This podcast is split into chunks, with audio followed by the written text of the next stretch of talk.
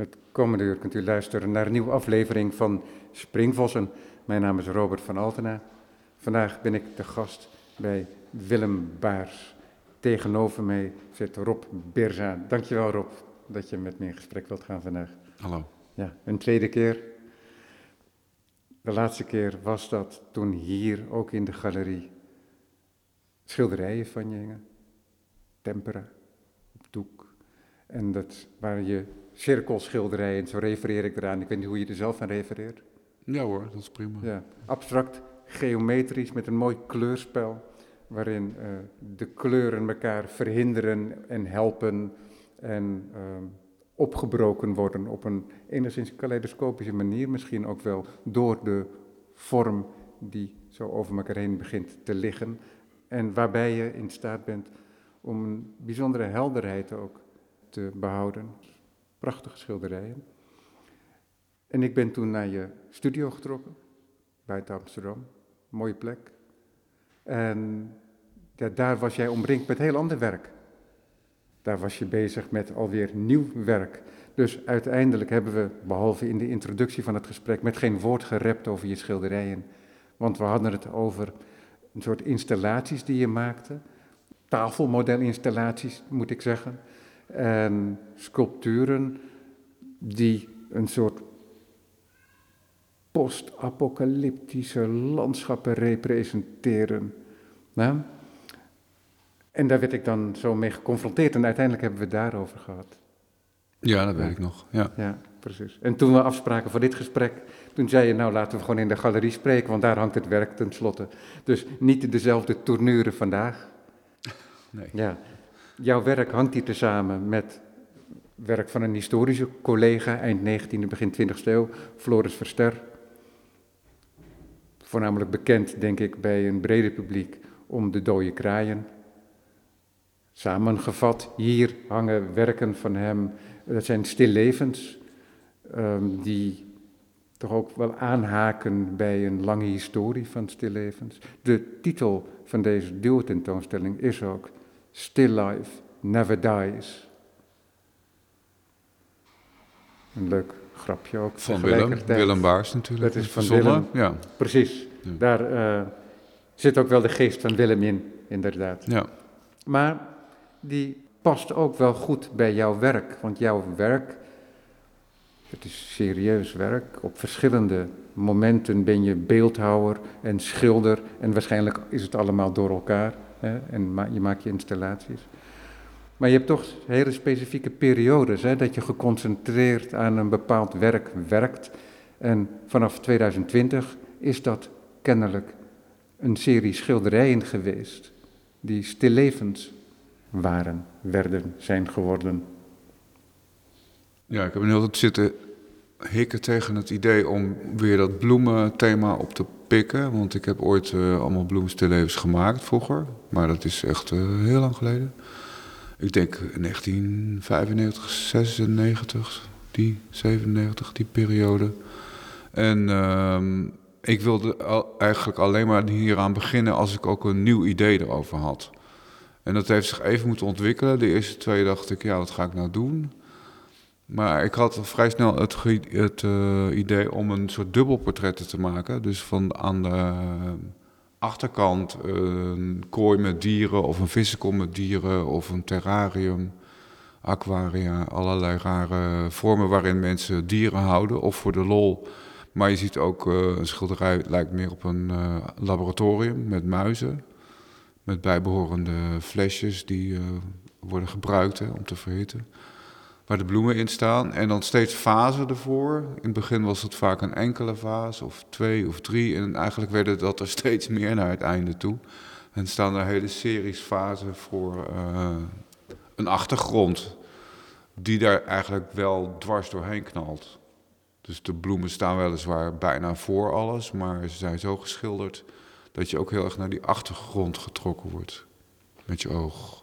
En dus dat nieuwe idee, dat was die cultuurvorm, die manier om de natuur in huis te kunnen halen. En dat is dan vaak een levende natuur, omdat er vissen, axolotls Ik zie zelfs volgens mij iets wat op een snoek lijkt voor mij, maar ik weet niks van vissen. Ehm, muizen, je gaf het al aan, dus aquaria en terraria. En dus die natuur mocht, dat stil leven, dat, dat Franse woord, dat drukt dat natuurlijk heel mooi uit, die dode natuur. Die is bij jou ook een levende natuur, maar het is een levende natuur tot op zekere hoogte, omdat het afgesloten is en niet zelfondersteunend. Het heeft altijd de mens nodig weer.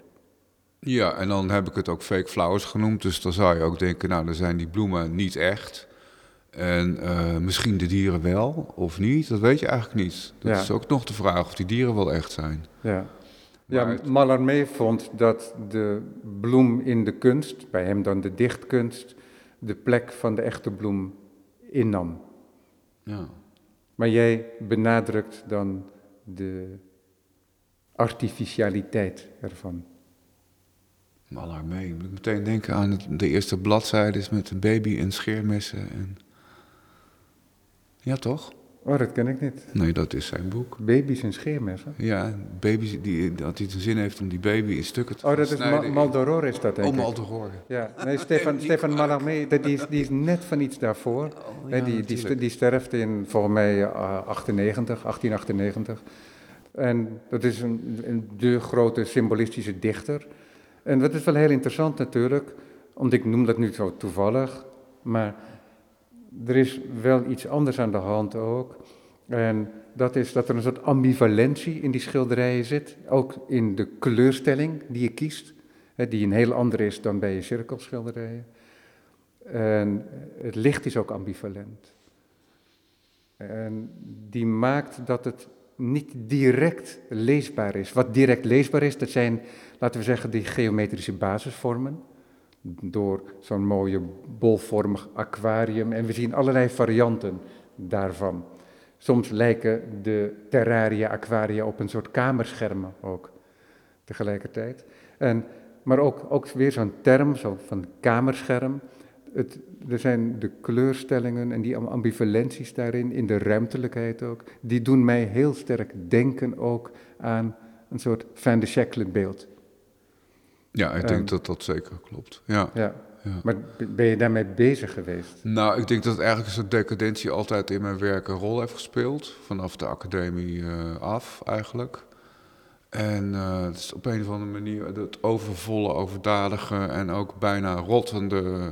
Uh, dat, dat, ja, dat zit altijd in mijn werk. Of het nou ja, zo in die abstracties zo helder naar buiten kan, dat is minder duidelijk. Maar dat is een andere kant van mijn werk. En ik denk dat die abstractie zit hier ook wel in. Want die kooien zijn eigenlijk hele merkwaardige constructies. Die in de werkelijkheid eigenlijk ook niet bestaan en ook nauwelijks kunnen. Ja, of, die, of eh, anders in een kunstigheid bijna historisch aandoen. Ja, maar als je goed kijkt naar dat schilderij met de axolotls, ja. dan zie je dat de bodem een cirkel is, dus een ovaal in perspectief. En, de bovenkant is zeshoekig. En het opwerk is zeshoekig, inderdaad. Dus dat kan helemaal niet. Ja. Dat kan. Als je een computerberekening maakt om dat glas zo precies te buigen, zou het kunnen. Het zou wel mooi zijn, maar ik heb het nooit gezien in het echt. En dus die abstractie die, die is ook heel simpel gehouden. Het is, het is of een bol of, of een geometrische vorm. En er zit nauwelijks echt een heel groot perspectief in in de fase iets meer, daar kijk je vaak op, dus, dat ze net uh, de, bloemen erin kunnen steken. Ehm, maar die zijn allemaal veel organischer geschilderd. Vaak ook bijna doorzichtig, alsof ze maar half bestaan. En toch blijven ze wel hard, omdat de omtrek heel uh, scherp en duidelijk is. Ja, maar wat dan interessant is, je geeft aan dus dat de meeste van die terraria en aquaria, die die geometrische basis vormen, in heel veel van die schilderijen. En het eerste gezicht vormen, denk ik. Omdat je als je van een afstand, ik kijk nu eventjes om, ik zit met mijn rug naar de tentoonstelling toe. Als ik dan omkijk, dan is dat het eerste wat zich toont als het ware van een afstand. En dan loop je erop toe, dan zie je allerlei details zich losmaken uit wat toch vaak ook een soort aquariumlicht is. Wat in zo'n schilderij zit. Bij de een wat sterker dan de ander. En, um, en er zit ook een andere ambivalentie in, is dat je bloemen hebt. En het zijn soms ook wel wat exotische bloemen. En achter die bloemen zweven dan bijvoorbeeld vissen en axolotls, ik, gaf het al aan. En die vissen en die dieren, zo'n axolotl, wat een soort watersalamander is, um, levend fossiel, dat waaiert ook bijna zelf als een bloem in het water. Dat is ook weer een ambivalentie die ik, waarvan ik me niet kan voorstellen dat je daar niet bewust van bent en dat je dat niet bewust toevoegt. Ja, en het, als je het maakt is het ook heel sterk een zoeken naar uh, dat beide partijen zichtbaar moeten blijven. Terwijl je ook de bloemen dwars door de beesten wil schilderen om aan te geven dat ze ervoor staan. Maar die ambivalentie is soms uh, heel ingewikkeld. Sommige uh, fases van het schilderen denk je, oh my god, nou ben ik er doorheen gegaan. Ik heb net te veel ervoor geschilderd. En soms gaat het ook mis. Vooral eigenlijk bij de aquaria heb ik, heb ik bijna bij allemaal heb ik ze een keer helemaal weggeschilderd. En dat werkt heel fijn, omdat er dan ook nog halve vissen onderdoor bleven, of tussendoor bleven komen door de, door de lage, doorzichtige verf. En ik andere dieren erop heb geschilderd. Waardoor je toch een soort dubbele laag ook weer in die aquaria zelf uh, hebt, voordat die laag van die bloemen er nog voor staat. Maar komt dat dan ook omdat je werkt aan meerdere van die schilderijen met aquaria tegelijkertijd? Uh, nee, nee, niet eens. Ik heb er wel twee onder handen vaak. En dan in verschillende fases. Maar het is ook vaak zo dat ik op mijn atelier kom en denk van... Uh, nu ga ik de volgende fase doen. En dan denk ik, nou, ik dacht het niet. Want ik moet wel echt helemaal de goede concentratie hebben... en ook de, de goede laksheid of, of ongeïnteresseerdheid op een bepaalde manier om het te durven en gewoon te doen en te denken, nou, ik ga het gewoon erop knallen, kan mij. Want als je die, die, dat niet hebt, ja, dan wordt het heel vervelend en truttig. Dus je moet ook een soort rauwheid hebben en een soort uh, ja, directheid. En daarnaast is het ook weer heel erg gedetailleerd gemaakt. Meer dan, dan andere series, denk ik. Maar dat was nodig ook om die bloemen weer los te krijgen van die achtergrond. Ja. Want als je dat niet doet, dan verzuipen ze erin en dan heb je eigenlijk niks. Je gaf eerder aan, ja, ik wilde weer iets met levens doen, maar het moest anders zijn dan de bloemen die ik ooit schilderde, eind jaren negentig. En dat heb je voor jezelf bedacht, dat dat die vorm moest zijn dan, van een geometrische vorm en die bloemen. En ook dus, ja, die ingekapselde natuur die, het eigen, die een terrarium en een aquarium eigenlijk is. Maar weet je dan ook al wat dat gaat worden? Want wat heel belangrijk is om op te merken, is dat, het is niet met elk werk zo, maar dat je ook heel duidelijk een soort gevoel hebt van artificieel licht. Hè, in hoe bloemen oplichten in bepaalde schilderijen. Maar het is ook zo dat je zo'n soort TL-armatuurtje ook erin schildert. Is dat ook de situatie waarin je dan hebt geschilderd? Of is dat iets wat je allemaal gewoon maar creëert? Ja, dat is iets wat ik verzin. Ik vond het juist wel passen bij dit onderwerp om dan ook maar de, de verlichting uh, goed uh, in beeld te brengen. En er is bijvoorbeeld ook een schilderij waar je vier lampen ziet hangen die allemaal uit zijn. En het, is, het schilderij zelf is een aquarium, maar het is helemaal pikdonker. Het is bijna allemaal zwart. En uh, de vissen lichten daar nog wel een beetje in op, in het donker. Maar de, ja, je had een goede bladzijde. De volgende. Oh ja. ja. ja. En daar is het licht ook weer helemaal anders bepaald. Het licht komt eigenlijk meer van vooraf. Omdat ja, je precies. ziet dat er wel lampen hangen, maar die zijn uit. En die zijn heel dof. Ja. In de andere gevallen uh, doet het licht wel wat, maar is het ook weer niet zo dat het een heel duidelijke richting heeft. Ja, maar ik herinner me jouw studio ook als een plek zonder ramen. Bijna, ja. Helemaal boven, achterin, in het op, waar je dan vaak werkt, denk ik. Ja. Uh, dat, uh, en daar schilder je dus ook. Dus jij schildert zonder daglicht. Klopt, maar ik heb nu wel nieuwe LED-verlichting uh, erin hangen. En dat is wel even wennen, want het is een beetje zoals het hier in de galerie ook is. Ja. Vrij hard en vrij ja, koud licht, zeg maar. Ja. En dat heb ik nu ook op mijn atelier. En eigenlijk is dat ook fijn, want dan uh, komt het meer overeen. Ik schrik hier niet meer, zeg maar. Het is hier nu echt hetzelfde als op mijn atelier. En was vroeger echt anders. Ja. Dan moest je ook wennen aan het, aan het gele van de TL's. En dan kon ik pas na tien minuten kijken. In het begin dan denk je, ja, ik zie niks. Ik moet even wennen. Ja, begrijp ik. Ja. Begrijp ik. Ja, want je hebt hier natuurlijk ook een... Um, aan, de, aan de voorkant heb je nog een beetje, waar wij zitten, heb je nog een beetje menging van daglicht ook nog. Maar uh, minder achteraan. Nee, uh, juist heb je, achter, is, heb je ook weer een lichtput, meer, is meer, S ochtends is daar meer buitenlicht. Ja, nee, dus het is wel half afgeschermd. Ja, precies. Nee, maar ik bedoel hier zo net in dat middenstuk. Hier is heel weinig. Dan is dat een helemaal artificieel. Ja. ja. Maar um, om op te pakken, wat ik je net wilde vragen, en ik weet eigenlijk niet of ik je dat nou goed gevraagd heb. Kijk, je hebt dat uitgangspunt, dat heb je dan voor jezelf bedacht. Maar hoe je dat dan gaat uitvoeren en tot wat voor beeld het nu is geworden, heb je daar ook op voorhand al een beeld van? Of is dat iets wat ontstaat tijdens het maken? Ik denk dat ik juist deze serie begonnen ben, om, om, ben omdat het dan helemaal kan ontstaan tijdens het maken. Ja, om het te ontdekken voor jezelf. Ja, dus ik schilder een hok eerst. En dat, soms met hele rare kleuren die heel, heel artificieel zijn, soms wat natuurlijker. En dan ga ik pas bedenken van uh, wat komt hierin? Wat voor beest hoort hier nou eigenlijk in?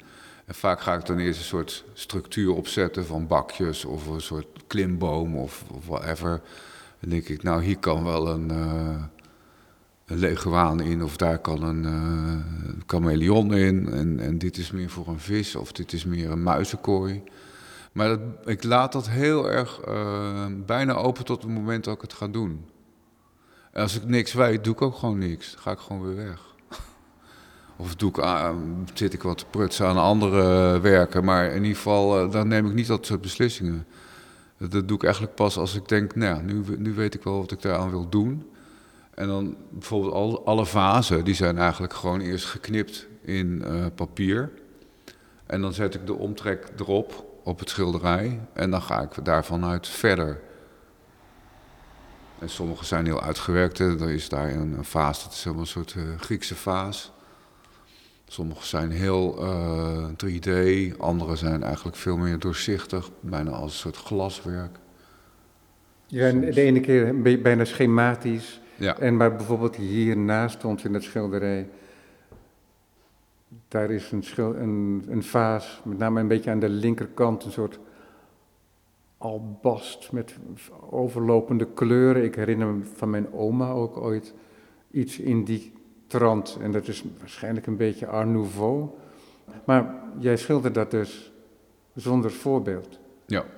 En dat doe je dus ook met de bloemen en dergelijke? Of nou, met de bloemen, soms kijk ik wel even uh, of op mijn telefoon, of, of ik heb wel een paar boeken op mijn atelier liggen ook. Maar, je, maar geen, boek, geen boeketten in jouw studio? Nee, ik heb wel eens wat bloemen meegenomen, zonnebloemen om te bekijken en dat soort dingen. En soms wat ik ook wel eens deed, is gewoon uh, gladiolen of andere bloemen op het schilderij leggen. Als ik de vaas heb geschilderd, van is dit het of niet? Of lampionnetjes er gewoon op droog opleggen. Nee. En dan kan je toch al zien van, uh, oh ja, maar dit, dit wordt het wel, dit gaat wel werken. Dus dat heb ik wel gedaan, ja. Mooi. Ja, ja. ja wat ook heel mooi is aan dit schilderij hier naast ons, dat is een schilderij met twee grote vazen en nog wat kleine vaasjes of wat glazen potjes met dekseltjes. Is dat, ehm, en daarin steken dan bloemen uit. Ik kan geen, uh, ik, mijn bloemenkennis is heel gering, dus ik zou ze niet kunnen benoemen, al ergens op lijken. Maar um, er staan dus twee boeketten, uh, maar dat zijn dus bloemen bij elkaar, dus het is geen gemengd boeket. En dat staat tegen een achtergrond van een grote bol, die laten we zeggen voornamelijk groen is met wat blauw. En er schijnt wat uh, roze doorheen. En dat roze, dat wordt ondersteund ook door diezelfde groene achtergrond, zo lijkt met dat blauw. En die vorm, die bolvorm van die aquarium, dat is een vorm, dat suggereert een object, maar tegelijkertijd suggereert het ook een soort verdieping, een soort gat in het beeld. Het is een soort oculus ook bijna. En tegelijkertijd is alles, de hele ruimte, de potjes, vaasjes en boeketten, die zijn gehuld in dat ambivalente, vaak wat soepige aquariumlicht, zou je kunnen zeggen. Wat maakt dat dingen heel moeilijk te definiëren zijn.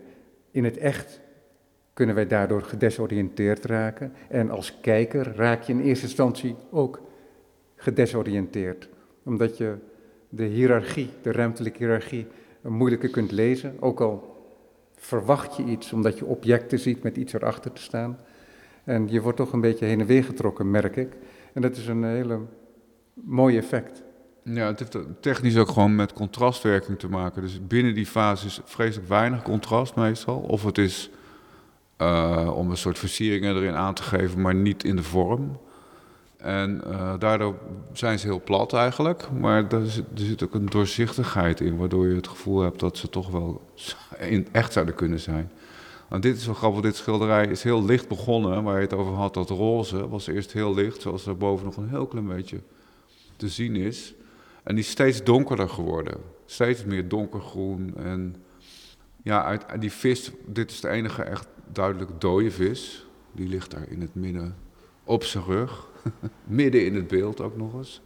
Dus daar kun je niet omheen. En dat geeft ook wel aan dat het ook, ook geen, geen vrolijke schilderijen zijn. Ik vond het ook wel interessant dat, dat mensen die hier rondliepen. Uh, zeiden ja, ik dacht toen ik binnenkwam dat het wel vrolijk was en wel uh, leuke frisse kleuren en dat soort opmerkingen. Maar na, naarmate ik langer rondloop en daarna kijk, denk ik, nou, zo vrolijk is het niet. het is toch wel heel sad ook wat ik hier zie. Het gaat ook veel over de dood en het is heel, uh, ja, in, in een soort afbraak, status. Ja, maar het is een heel zacht oog op de dood. Ook tegelijkertijd. Moet ik eerlijk zeggen. Nou, het is ook meer een soort onderliggende laag. Het is niet per se dat dat nou dat eerste moet zijn wat je ziet. Ik denk dat het interessant is dat die gelaagdheid, ook een gevoel, uh, erin zit, maar dat dat even tijd kost om ook dat te ervaren.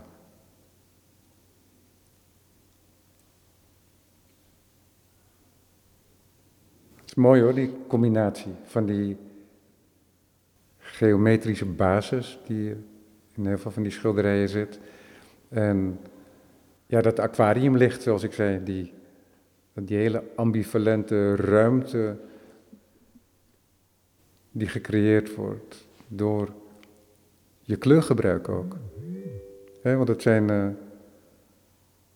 vaak mengkleuren en je, of je brengt kleuren zo transparant op dat onderlagen uh, er doorheen komen. En het is ook niet zo dat je dan hele strakke dekkende laag gebruikt. Ja, klopt. Ja. Maar wat ook opvalt, vind ik, is hoe gedetailleerd sommige schilderijen zijn. Het is toch interessant, omdat je dan toch zonder voorbeeld werkt, maar dan heb je kennelijk een idee dat er, een, dat er decoratie nodig is als beeldelement. Ja, maar dat is wat ik al zei. Soms vielen ze gewoon weg in het begin. En uh, merkte ik dat ik het uh, veel meer moest uitwerken, waardoor ze wel uh, ineens veel meer te zien zijn. En ja, het is ook te lomp als je maar de eer, bij de eerste fase blijft steken van plups, blaadjes klaar. dat is ook niet genoeg. Je moet er wel op doorwerken in de meeste gevallen. Ja, want wat er ook nog aan die ambivalentie toevoegt is dat de objecten heel precies lijken te zijn geschilderd. Dan heb ik het niet over die geometrische vorm alleen, maar ook over de bloemen en over de vazen. En, maar dat de dieren die erin voortkomen vaak, misschien niet altijd, bijna karikaturen zijn of volledig karikatuur zijn. In het geval van het terrarium met de muizen dat is een soort muizencircus geworden, circus geworden in een terrarium die er ook uitziet als een prachtig gebogen kamerscherm. En daarvoor staat een reeks, ja, bijna laboratoriumglas in, in, in een metaal armatuurtje overeind gehouden. Dat is een beetje spookachtig. En de muisjes, die karikaturale muisjes, dat zijn ook net spookjes. Het zijn allemaal witte. Nou, dat is ook een soort humor om het zo lomp te schilderen. Ja. Daar, dat is met een eigenlijk te grote kwast erop geknald. Ja. En dat heb ik in, in sommige gevallen maar gedaan. De meeste zijn wel wat meer uitgewerkt.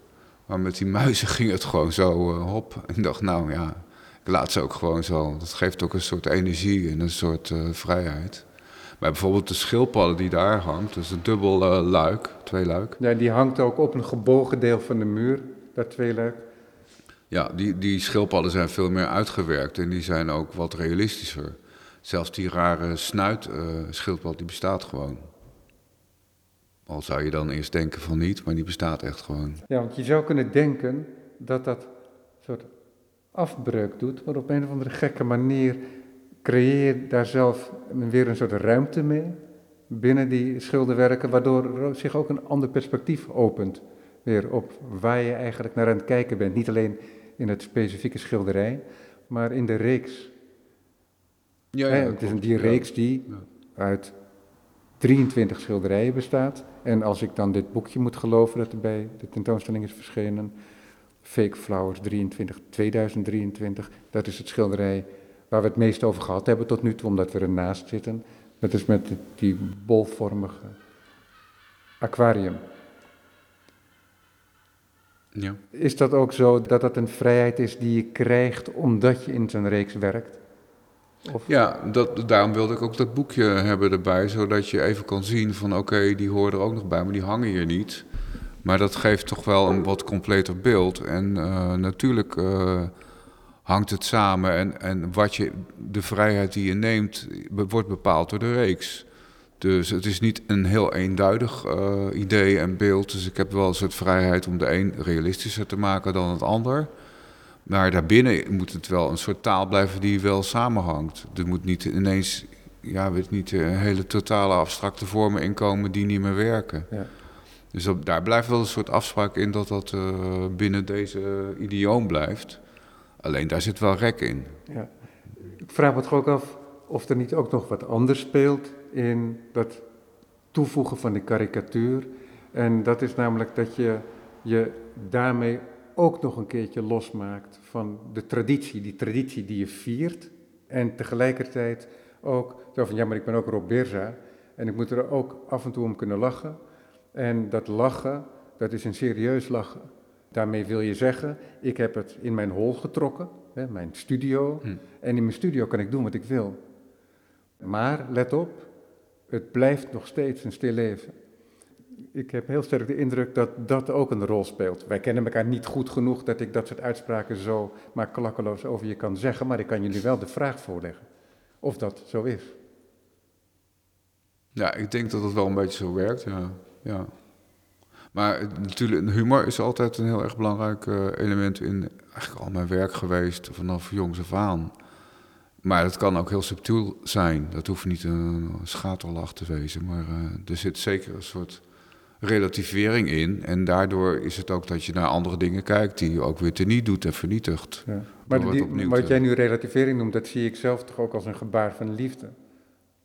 Voor zo'n traditie zelf. En dat je daar dan mee aan het werk bent. Dus dit is ook een lach naar jezelf toe. Zo lees, ik, zo lees ik het althans. Hè,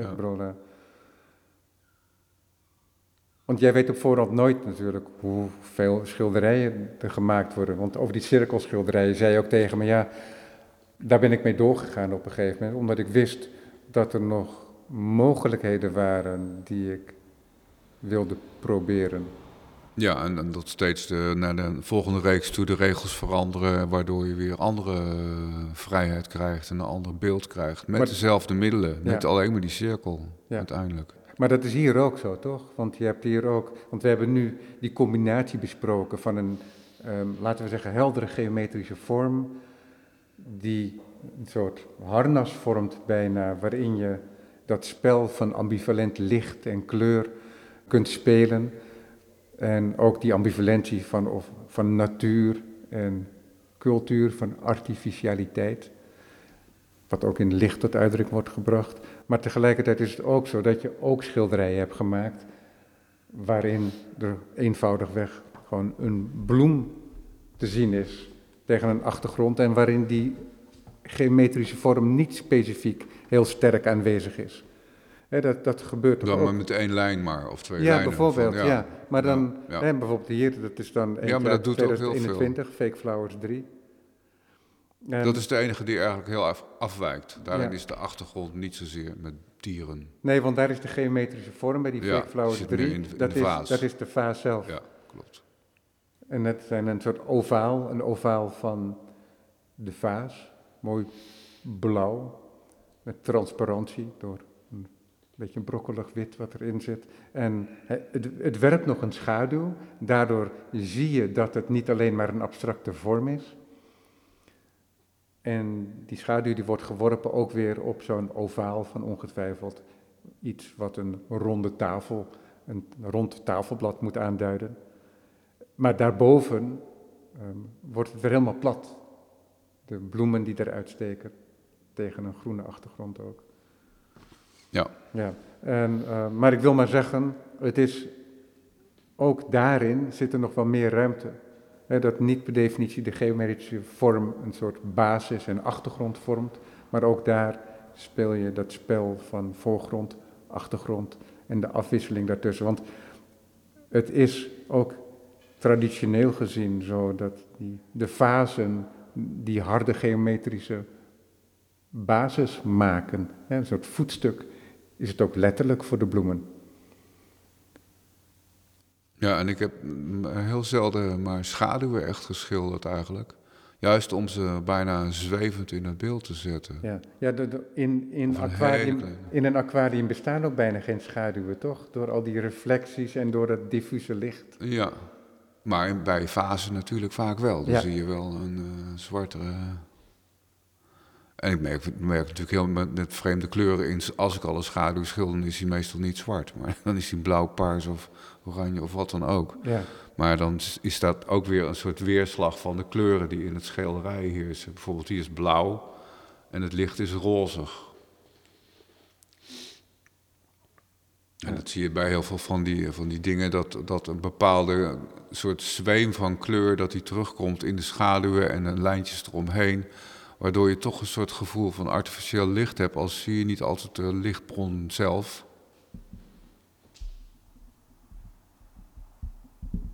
Heb jij, als je dan zo'n serie gaat maken, ben je dan in de periode daaraan voorafgaand, wanneer je je idee probeert te slijpen, veel aan het kijken naar andere kunst? Of probeer je dat juist te voorkomen? Nee, helemaal niet per se. Nee. Huh. Nee, ik heb ook met dit helemaal niet naar stillevens gekeken of eh, naar andere schilders, hoe ze dat hebben gedaan. Want je bent wel een kunstenaar die graag om zich heen kijkt ook. Ja, natuurlijk. Maar het is niet zo letterlijk van ik wil nu stillevens en ik wil zien hoe dat is gedaan. Want dat, dat, ik denk dat dat me alleen maar zou beperken en, en sturen naar een bepaalde blikrichting die ik helemaal niet nodig heb. Ja, ik bedoel dat niet weet- per definitie letterlijk dan stillevens, maar überhaupt. Gewoon dat je... Maar Nee. Ik denk niet dat het zo werkt bij mij. ja, Nee. ja, jij werkt direct op doek, hè? Ja. Dus er wordt niet getekend. Geen aquarellen worden er gemaakt voorafgaand bijvoorbeeld. Nou, ik maak, kijk, als ik, als ik ingewikkelde dieren moet eh, schilderen, zoals bij die schildpadden, dan heb ik even snel een paar houtskooltekeningen Ja, van verschillende aanzichten, van, nou ja, van onder, van boven, opzij. En daar kan ik wel- dan genoeg mee. Ja. Maar dat, dat is soms wel fijn om het even te, met de hand, te- maar op een papiertje te tekenen, heel simpel. ja, zodat het ook de vorm als het ware in je hand zit. Ja, daarom. En dan, eh, dan heb je veel meer vrijheid om het op het doek gewoon erop te zetten in één keer. Ja. Ga je er nog mee verder? ja, nog een beetje. Ik weet niet hoe lang, maar... Want je zei dat er nog één op je studio staat. Ja, daarom, er staat er nog één en ik wil nog wel eh, wat dingen gaan doen ermee. Maar het is onderhand al een aardige serie geworden natuurlijk. Ja, je Eh, werkt er ook al een paar jaar. Ja. Maar ik, ik denk, ik ga altijd net zo lang door tot ik ineens het gevoel heb van, ach ja, nu, nu is het een beetje klaar en dan wordt het, wordt het een beetje overbodig of zo? Of, of ja, wordt het uh, sentimenteel of dat soort termen? Ja, dat zei je de vorige keer ook inderdaad. Op een of andere manier is het dan klaar. En, uh, ja. en vaak weet ik dan ook totaal nog niet wat ik daarna zou willen gaan doen. Dus dat is best wel uh, lastig. Ik kijk niet zo ver vooruit. Ja. Dus- nou, misschien kun je daar ook niet zoveel over zeggen, want met die cirkelschilderijen daar heb je ook ander werk gemaakt op een gegeven moment. En toen ben je daar toch weer teruggekeerd, omdat er nog wat in het vat zat. Mm. Ja, en dat klopt, maar vooral uh, daarnaast heb ik ook die, die, die, sculpturen gemaakt die een heel andere kant laten zien. En dat heeft zich ook zo tussendoor doorontwikkeld. Daar ben ik nog wel af en toe weer mee bezig, want dat is nog niet helemaal uh, klaar. Ja. Maar goed, binnen zo'n serie is het wel fijn om gewoon daaraan door te werken en dan niet iets heel anders te doen. Maar tegelijk kan ik wel uh, beelden van klei maken. Maar dat doe ik dan bijvoorbeeld weer thuis en niet op mijn atelier. Omdat je daar iedere keer op moet letten van uh, is het al droog, moet het nog ingepakt.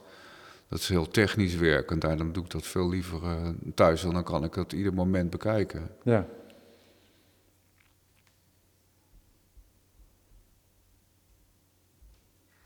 Nee, ik ga er nog wel een paar maken. Ja. Mooi.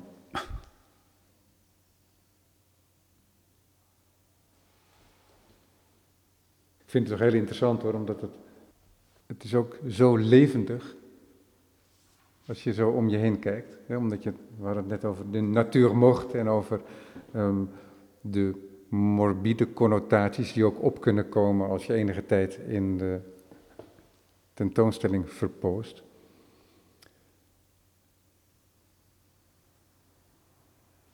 Ik heb het ook vroeger wel meegemaakt met aquaria vol guppen die dan ineens allemaal doodgingen. Of dat je te lang niet uh, ja, voor je reptielen kon zorgen en uh, ja. dat je toch wel ziet dat het helemaal misgaat. Ja. Is er een relatie tussen deze serie en die industriële, post-industriële landschappen waar je mee bezig was de vorige keer dat ik je sprak? Ja, wel wat, maar niet heel veel. Want dat gaat ook veel meer over machtsstructuren. En dus eigenlijk veel politieker werk en veel. Uh, ja, het gaat ook, ook wel over heel andere aspecten van het leven. Maar dat morbide en dat vervallen, dat zit er wel ook in. Dat klopt. En dat zit hier ook wel in. Al is het hier wat, wat lichter verpakt misschien. En wat. Ja, moet je er meer, naar zoeken of moet je het meer uh, ontdekken? Ja, want dat is meer een blik naar buiten toe zou je kunnen zeggen. Hoe je naar de wereld kijkt, de toestand van de natuur, maar ook van de culturele bebouwing, zoals wij die hebben gecreëerd, hoe we die, ook die tegelijkertijd kunnen vernietigen. En dat is onze leefomgeving. Hè? Dat is die aarde, dat is ook ons terrarium, zou je kunnen zeggen. En um, hier is dat een blik naar binnen toe, maar tegelijkertijd heb je diezelfde isolering van zoiets. Je hebt wat dieren, die plaatsen wij in een beperkte omgeving.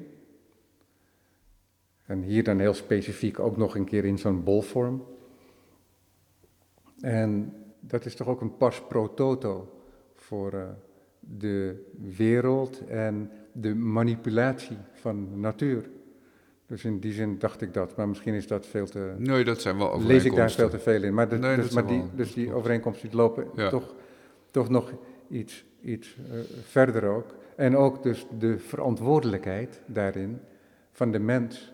En het is heel gek om over dat soort, dat soort grote termen van verantwoordelijkheid en ten opzichte van mens en natuur te spreken als je het over stillevens hebt. Maar traditioneel gezien zijn stillevens natuurlijk ook bij uitstek schilderijen waarin metaforische uitspraken worden gedaan. Ja, en het is tegenwoordig ook nog eens zo dat in, in de, de zoo en uh, in allerlei plekken waar dieren worden gehouden, soms de laatste van de soort zitten. Ja, hier om de hoek. Ja. We zitten hier op de Bij artis zitten, zitten allerlei beesten die bijna zijn uitgestorven. En uh, dat is natuurlijk wat je ook ziet in dit soort situaties: dat er buiten in de natuur bijna niks meer overblijft, maar dat we ze nog proberen de soort te bewaren door ze maar in een aquarium te stoppen. Ja. Of, Speelt het dan nog een rol dat jij bijvoorbeeld ook de axolotl kiest? Want dat is een schilderij hier tegen de eindmuur in die uh, zeshoekige, in dat zeshoekige aquarium met die ronde basis, hè, die fysieke, quasi-fysieke onmogelijkheid. Want zo'n axolotl, dat is een dier dat miljoenen jaren leefde voordat er überhaupt een mensachtige, laat staan een aapachtige was. dat, is, uh, dat zijn uh, tijdgenoten van de haaien van deze wereld. Ja. Uh, levend fossiel. Speelt dat daarin dan ook nog een rol? Of is dat meer zo dat je dat om dat merkwaardige uiterlijk met die uitwendige longen en zo, waardoor het ook een soort bloemvormen worden die vrij in het water zweven. Is dat meer dan de motivatie om zo'n dier te gebruiken? Nou, dat is het ook, maar vooral ook de connectie met. Uh, in mijn jeugd had ik al uh, anoles, uh, gekko's en dergelijke. Dus ik was dol op reptielen. En deze watersalamander past En deze past daar heel goed bij, ja, dat klopt. Ja. Dus zo eenvoudig is dat. Ja, zo dus simpel kan het ook zijn. Het is een, een het, jeugd... Het, het jongetje Rob. Ja, ja. En aquaria heb ik ook gehad. Dus die hele connectie met dat, met dat dierenleven wat je opsluit in feite. Voor je eigen genot, ja, dat ken ik wel uh, van huis uit. Ja, maar dus, is dus ook een aansluiting van jouw kinderbeleving bij de schilderkunstige traditie. Ja. Ook al. Dus los van de positie die jij nu inneemt als mens en als kunstenaar. Ja, dus het gaat, gaat ver terug. Ja. Ja. ja nee, bij mij is dat volledig vreemd. Ik heb nooit in die omgeving verkeerd. Wij de poezen in huis en een hond. Daar, deed, daar deed ik het mee. En er liepen natuurlijk bij de boer aan de overkant liep er van alles rond. Maar het kleine leven, ja, dat veronachtzaamde ik eigenlijk volledig. Maar bij jou dus niet. Maar dat is toch een bepaalde grondhouding die je daarmee hebt. Ja, ik denk ook dat ik ook vanuit het detail naar, de, naar het grote kijk. Dat is ook iets wat je leert als je, als je met natuur wordt opgevoed. Dan kijk je naar het piepkleine en liefst met, nog met een loop. En, maar deed jij dat als kind al? Want dan heb je toch gewoon alleen maar dat, dat loopperspectief? Dat denk ik dat ik dat van de natuur al deed, ja. Ja, ja. ja. Nou, dat komt ook terug in je werk. Toch? Dat je daar toch een beetje ook als een tovenaar mee omgaat. Ja, maar altijd ook wel eh, vooral uh, rekening houden met het geheel. Wat wordt het als schilderij? Dus al die details zijn totaal niet interessant als het niet helpt om het schilderij goed te krijgen. Ja. Maar als het helpt om net die helderheid te krijgen, waardoor je dingen van elkaar kunt onderscheiden, omdat dat nodig is, dan, uh, dan, wordt het, dan gaat het ook verder dan de decoratie. Dan dus is het niet meer decoratief. Ja, je maakt nu wel een mooie stap, omdat we het hadden over het perspectief en uh, representatie en het metaforische. En jij stapte vervolgens in en dan beschrijf je een schilderkunstig proces. En, maar, en dat is ook wel mooi, want daarmee toon je eigenlijk aan met je uitspraak dat uh, het inhoudelijke ook onder de penseel groeit. Hè, vanuit het maken en vanuit schilderkunstige principes. Want jij bent geen schilder of kunstenaar en schilder die de schilderkunst alleen maar gebruikt om iets te zeggen, maar jij bent ook echt een schilder. er zit ook echt liefde voor de schilderkunst in jouw schilderwerk. En waardoor jij ook in staat bent om via die schilderkunst te spreken.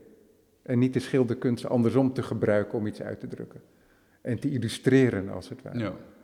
Nou ja, voor mij is het heel belangrijk om, om dingen ook weer te vernietigen in een schilderij. Dus uh, het lijkt, heel veel dingen lijken daar gewoon te staan, zoals, alsof dat in één keer is neergezet. En soms is dat ook zo.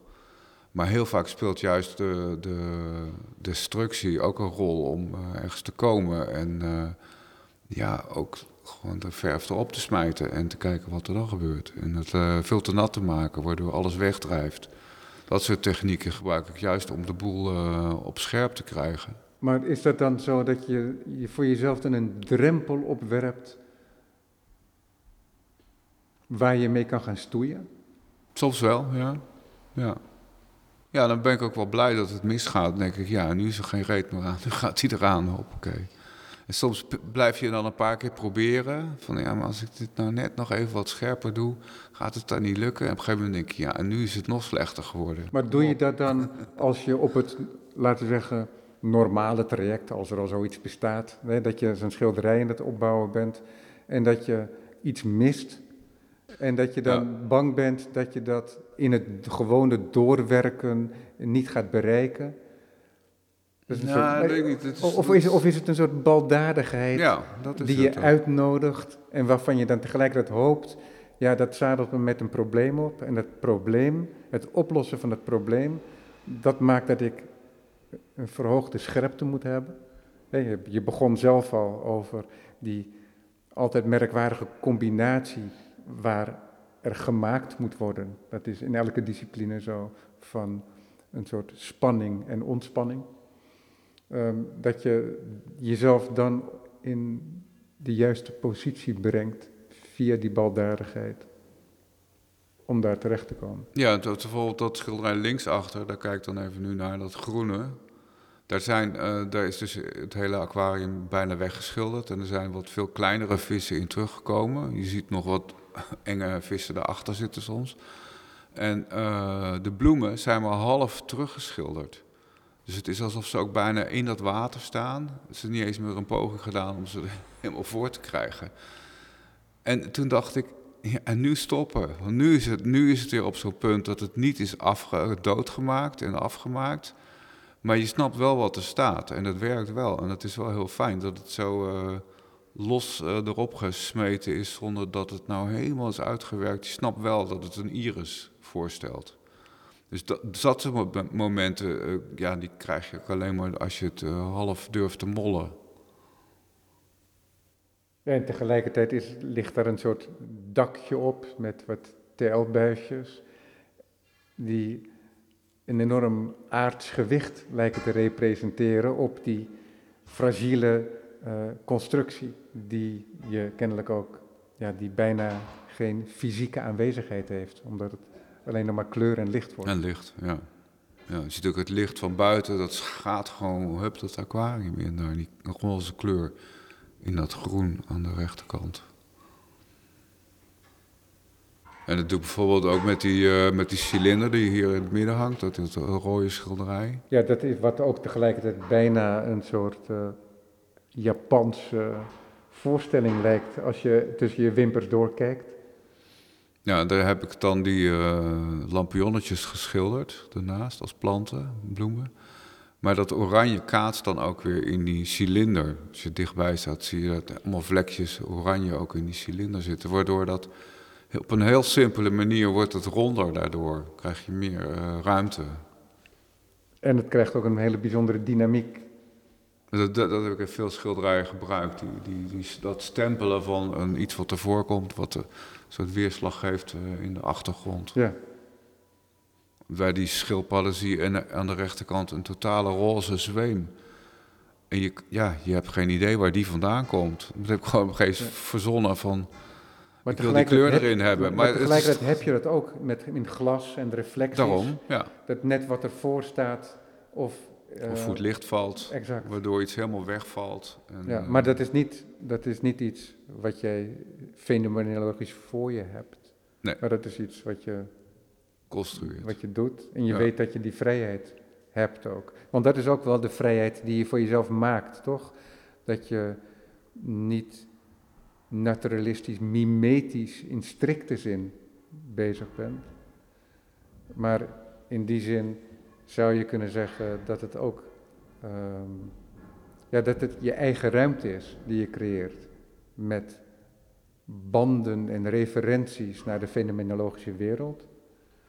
Maar tegelijkertijd is het ook de wereld van het schilderij. En daarmee wordt het ook een gedachtenwereld, een mentale wereld. En zelfs als je wilt, want dan kom je toch dan snel terecht bij zo'n stil leven, ook een symbolische wereld. Ja, dat klopt, ja. Die diertjes die je dan hebt geschilderd, heb je daar dan een speciale band mee dan? Of is dat gewoon maar toevallig zo dat je, laten we zeggen, die soort ehm, dat het vrede uiterlijk, vind ik altijd, van zijn snoek, dat dat je dan uitkomt. Ja, die vind ik ook heel interessant. Die uh, en eh, hoe heet die andere beest? Die eh morenus. Dit is Ja. meer een morene Ja, en een snoek. Dat hele akelige vind ik wel geweldig in vissen. Vissen hebben zulke, zulke gemene bekken soms. Dat is ongelooflijk. ja. Ja. Maar dat, dus dat is gewoon de, ook het, rariteitenkabinet wat daar een rol Ja, speelt. maar daar heb ik wel voorkeur voor. Dus, de, dus de, eigenlijk de dieren die ik gebruik, daar heb ik inderdaad wel meestal iets mee. Ja, maar dat komt dan ook misschien Ja. omdat die natuur iets doet wat jij zelf ook graag doet. Dat je in je werk af en toe toch eventjes een gekke bek wil trekken. Wil kunnen trekken, misschien zelfs. Ja, maar goed, dat is het karikaturale wat er ook een beetje in zit. Ja. U hoort op de achtergrond overigens werkzaamheden aan, eh, aan het gebouw. Die hebben kennelijk net een pauze gehad. Ik hoop niet dat dat alles verstoort, maar misschien moeten we daardoor het gesprek wel even wat eerder kort sluiten om eh, niet helemaal dol te worden ervan.